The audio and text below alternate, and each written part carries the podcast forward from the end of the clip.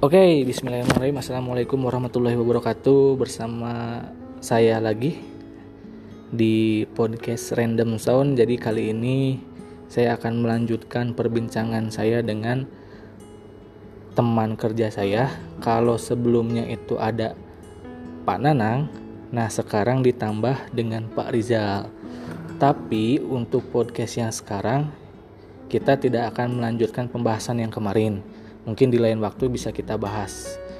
Sekarang pembahasannya baru lagi, yaitu tentang prinsip dalam mencintai seseorang. Jadi nanti kita akan berbincang dengan Pak Nanang dan Pak Rizal bagaimana sih caranya mencintai seseorang itu apakah perlu menggunakan prinsip atau hanya sekedar mencintai. Kadang kan orang ketika mencintai itu sudah tidak memikirkan apa-apa ya prinsip dikesampingkan atau yang biasa kita kenal dengan cinta buta. Tapi lebih jelasnya kita langsung saja mungkin dari Pak Rizal terlebih dahulu. Gimana ya pandangan mencintai itu? Ya, nanti kita tanya langsung.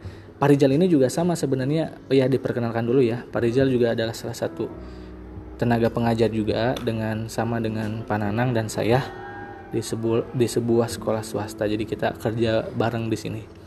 Oke, kita langsung mulai saja untuk sesi yang sekarang uh, selamat menikmati dan semoga bermanfaat untuk teman-teman semua. Silahkan Pak Rizal, bagaimana? Ya pertanyaannya tolong diulang. Pertanyaannya prinsip mencintai itu apa maksudnya sih sebenarnya? Mungkin ada pengantar dulu dari Pak Rizal nanti bergantian giliran Pananang juga sama prinsip dalam mencintai itu seperti apa? Ya, silahkan Pak Rizal. Ya, terima kasih aduh, Pak Ferry ya. Ya sungguh luar biasa kalau bicara prinsip itu tiap orang memiliki prinsipnya masing-masing gitu ya. Tapi ketika berbicara prinsip, kalau menurut saya gitu ya khusus. Rizal bisa didekatkan ke. Oh, Oke. Okay. Uh, untuk prinsip khususnya pandangan subjektif kan ya karena kan tiap orang tuh memiliki prinsip masing-masing yeah. baik itu yang diwariskan atau dicari gitu kan dari nilai suatu prinsip itu. Nah, pembahasannya dengan cinta gitu. Kalau prinsip saya pribadi ketika mencintai itu hak untuk semua orang. Jadi setiap orang itu ketika kita terjun bersosial gitu ya, karena kita makhluk sosial, maka yang harus kita pertama lakukan tuh membuka hati kita gitu. Jangan sampai kita salah persepsi terhadap seseorang.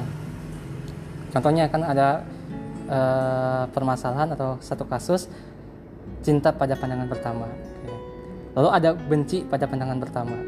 Lah kok beda gitu kan? Ada benci pandangan pertama ada cinta pandangan pertama.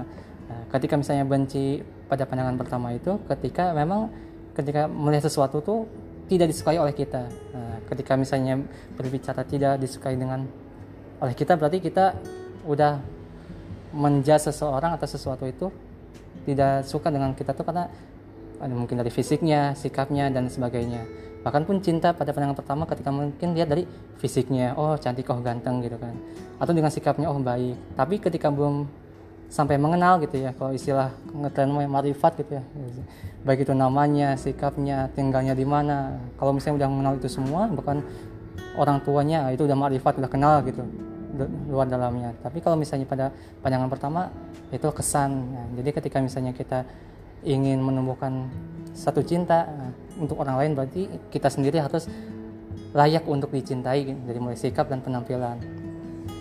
Uh, jadi ketika pas berbicara prinsip mencintai itu untuk saya pribadi buka dulu hatinya gitu. Jangan sampai ketika melihat sesuatu yang tidak kita sukai langsung benci. Uh, atau misalnya ada satu kejadian misalnya ada guru tegas gitu terkesan menyalahkan seorang siswanya. Nah, tanya dulu kan kenapa gitu?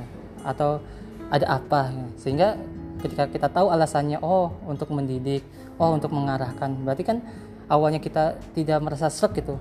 Pas tahu alasannya oh baik. Nah jadi kalau prinsip saya dalam mencintai itu adalah mengenal dulu gitu.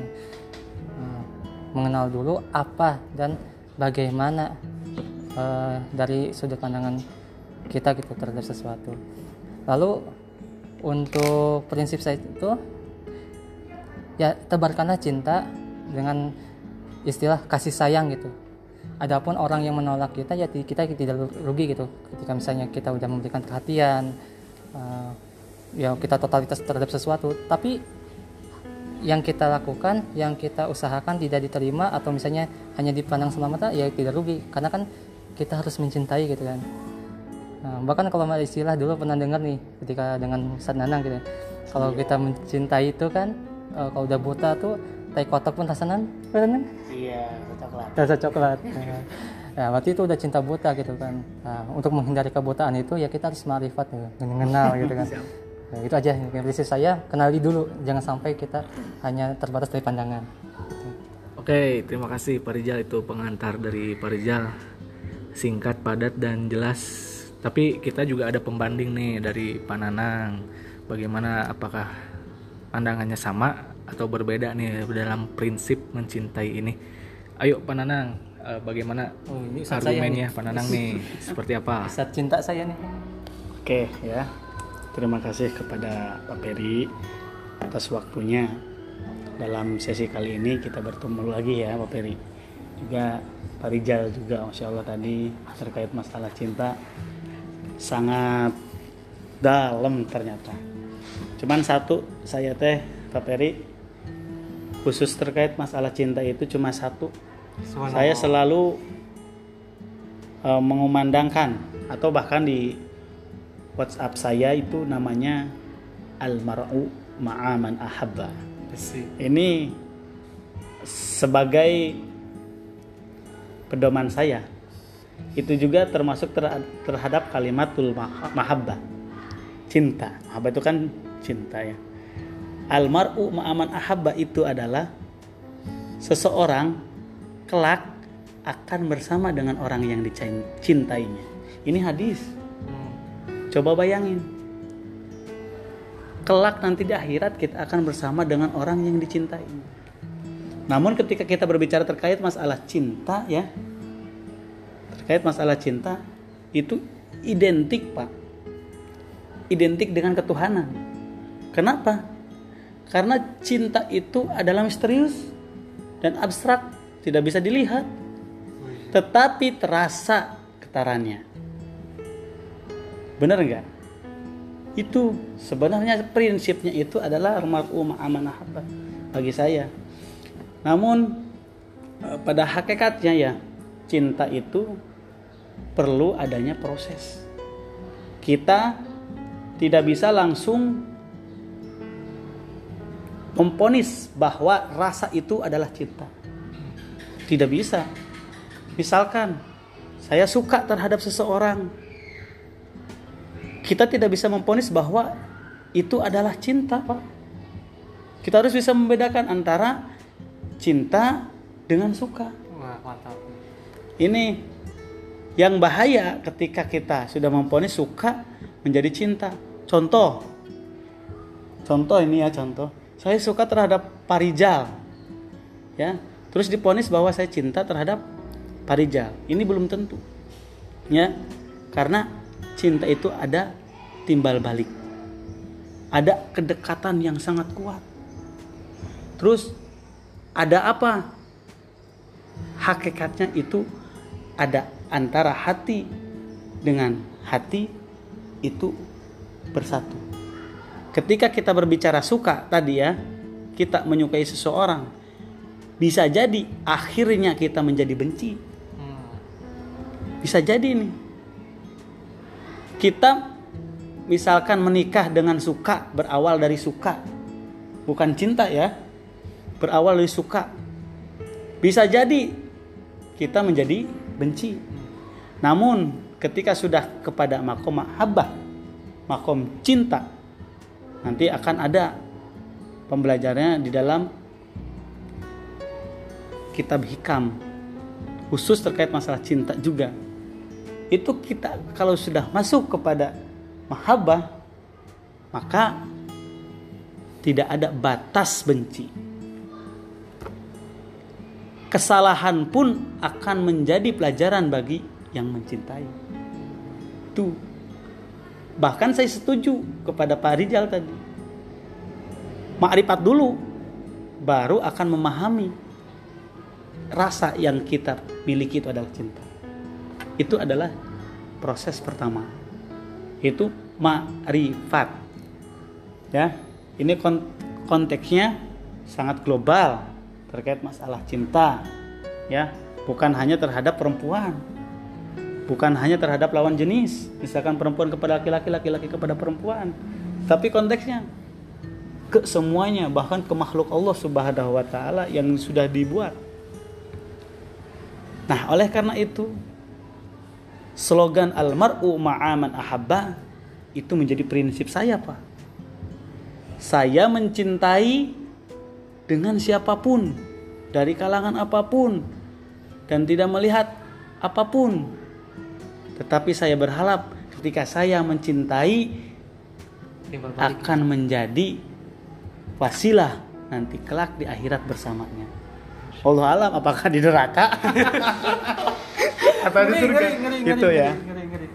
Uh, mungkin dari saya seperti itu pak ya. Siap. Uh, oke okay. wah luar biasa sekali nih.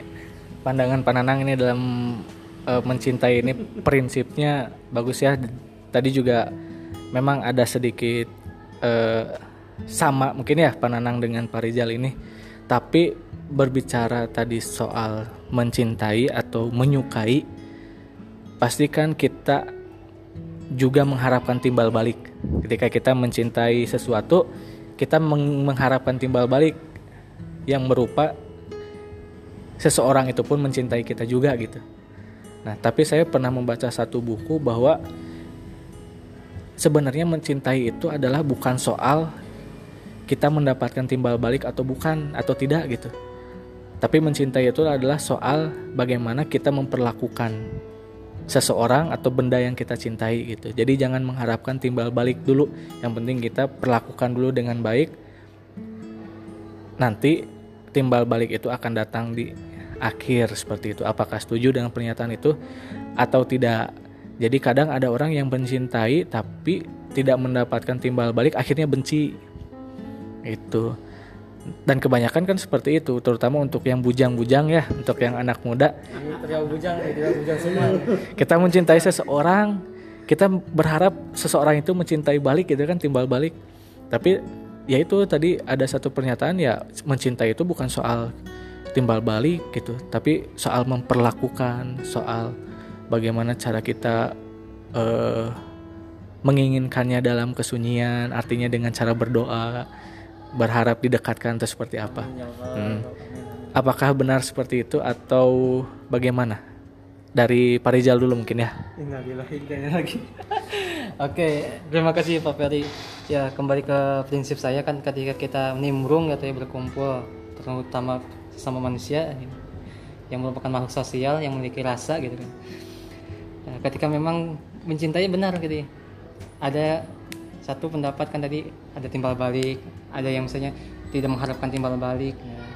tapi bagi diri sendiri, sendiri ya mencintai itu bentuknya seperti apa juga kan ini abstrak juga nih benar kata Ustadz Nanang nih Ustadz Nanang abstrak gitu ya apa yang kita rasakan tuh ya belum tentu itu cinta atau hanya sekedar suka tapi kalau bicara cinta kalau menurut saya uh, bila kasusnya seperti tadi ya cinta kalau misalnya tidak mengharapkan timbal balik itu bisa jadi memang benar cinta atau hanya sebatas suka. Contohnya gini saya emang menyukai seseorang nih. Nah, sedikit curhat ya. Saya menyukai seseorang. Tapi seseorang itu tahu saya mencintai dia dan mengharapkan pembuktian cintanya. Aduh berat kan saya tuh aduh. satu emang kita awam ya masih hmm. belum ada ongkos bensin ya tapi ya memang saya belum haknya mencintai dia. Ini khususnya untuk lawan jenis ya. Hmm. belum haknya untuk mencintai dia gitu kan. Ya kalau mencintai sesama muslim bentuknya mungkin hanya uh, apa ini membantu ya saling membantu dan menebarkan kebaikan gitu. Tapi untuk mencintai khusus itu bukan haknya saya. Karena kan ada hal-hal yang harus ditunaikan gitu kan. Ya jalur nikah lah dan apa gitu jangan sampai berzinah gitu ya selagi saya nggak bisa ya mungkin saya mencintai dia tanpa ada timbal balik gitu untuk menjadi satu pasangan gitu kan. Dan saya tutup poin gitu ya ke akhwat tersebut. Eh eh sebut akhwat akhwat tersebut. Ya afwan gitu ya. Uh, untuk saat ini ya saya nggak punya hak untuk mencintai kamu gitu kan. Tapi jangan paksa saya untuk berhenti mencintai siapa pun gitu. Bukan hanya kamu gitu kan. Gitu. kalau misalnya ya menyukai ya saya suka sama kamu gitu kan. Tapi untuk mencintai ya belum haknya saya. Jadi benar ada kalanya ketika kita mencintai seseorang atau sesuatu tuh ada timbal balik dia pun menyukai kita dan ketika kita kerja dia pun support gitu kan. Alhamdulillah gitu mudah-mudahan gitu.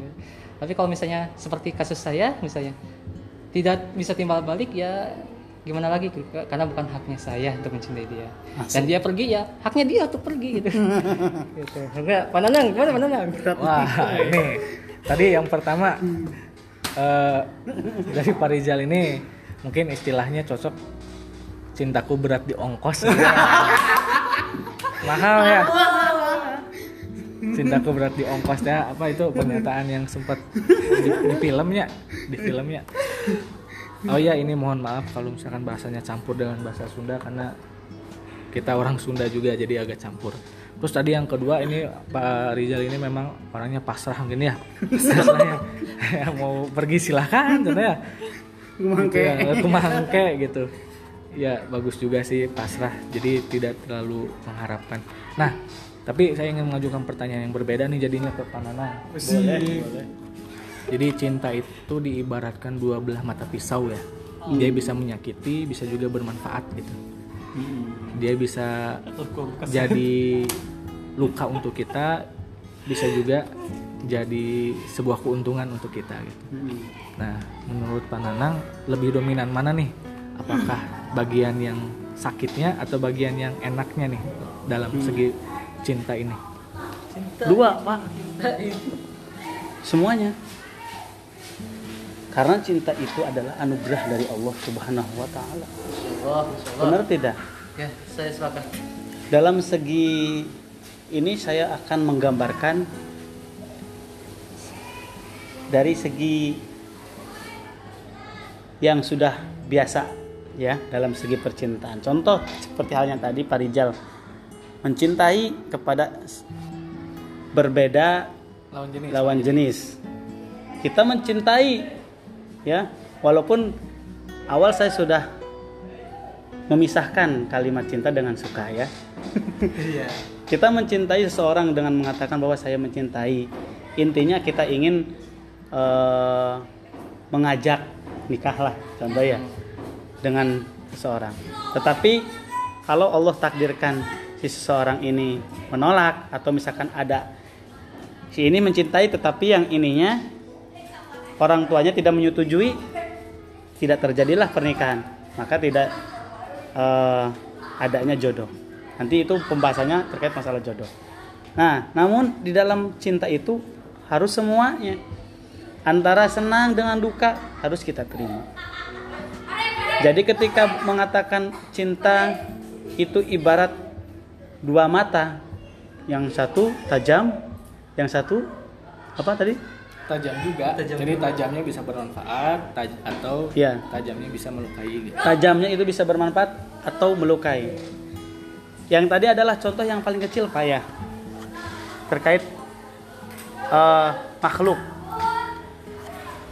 kenapa karena cinta itu tadi abstrak coba kita gini pak kita dianjurkan untuk mencintai Allah dan Rasulullah. Contoh ya. Padahal kita tidak kenal, belum bertemu sama mereka. Ya kan? Kita mencintai seseorang lawan jenis karena sudah kita lihat. Sehingga dari suka menjadi cinta dan akhirnya menjadi jodoh. Namun ketika berkaitan dengan abstrak dengan Allah dan Rasulullah dan kita mengenal Allah dan Rasulullah dengan hadis dan Al-Qur'annya. Kita lihat Robiatul Adawiyah. Coba Pak. Kita mencintai Allah dengan melaksanakan perintah perintahnya dan nanti akan ada imbalan surga. Bener gak? Iya. Kita mencintai Rasulullah juga sama mendapatkan syafaat. Tetapi ketika kita mencintai Allah tidak melaksanakan perintahnya maka akan kita tidak apa tidak melaksanakan perintah Allah maka kita akan masuk neraka. Allah itu sudah memberikan imbalan antara apa bermanfaat atau suk atau bahagia dengan eh, sakit dengan neraka. Ya, bahagia dengan surga contoh sakit dengan neraka. Itu sudah ter, terpampang jelas, Pak. Perbedaan sakit dengan apa namanya itu eh, sakit dengan bahagianya dengan enaknya sakit dengan enaknya ya. Yaitu surga dengan neraka. Tetapi Rubiatul Adawiyah berbeda pak. Bahkan beliau itu membawa ini pak. Membawa ember keluar. Kepada orang-orang mengatakan mana neraka? Mana neraka? Saya akan banjir kalau misalkan cinta saya terhadap Allah hanya karena neraka dengan surga, maka saya lebih baik masuk neraka. Coba bayangin itu Rubatul Dawiyah. Kalau kita sudah masuk ke makomatul cinta, maka tidak akan melihat baik dan buruknya. Tidak akan melihat luka dengan senang Maksudnya contoh maksudnya ketika kita mencintai seseorang sahabat contoh ya ada sahabat kita berbeda pendapat sama kita maka kita diskusi sharing. Lalu kita tetap kukuh tetap pendapat jeng sahabat kita. Maka jalan terakhirnya adalah kita menerima pendapatnya. Itu contoh kecilnya nah itu pak terkait masalah yang tadi. Terima kasih ya. ya luar biasa ini pandangan dari Pak Rizal dan Pak Nanang ini dan ternyata yang saya tangkap itu adalah soal cinta mencintai itu tidak hanya terpaku kepada lawan jenis. Ternyata lebih dari itu sangat luas lagi dan ada yang paling penting yang harus kita prioritaskan dalam urusan mencintai ini. Terutama dalam sisi agama. Ya, itu yang harus kita prioritaskan.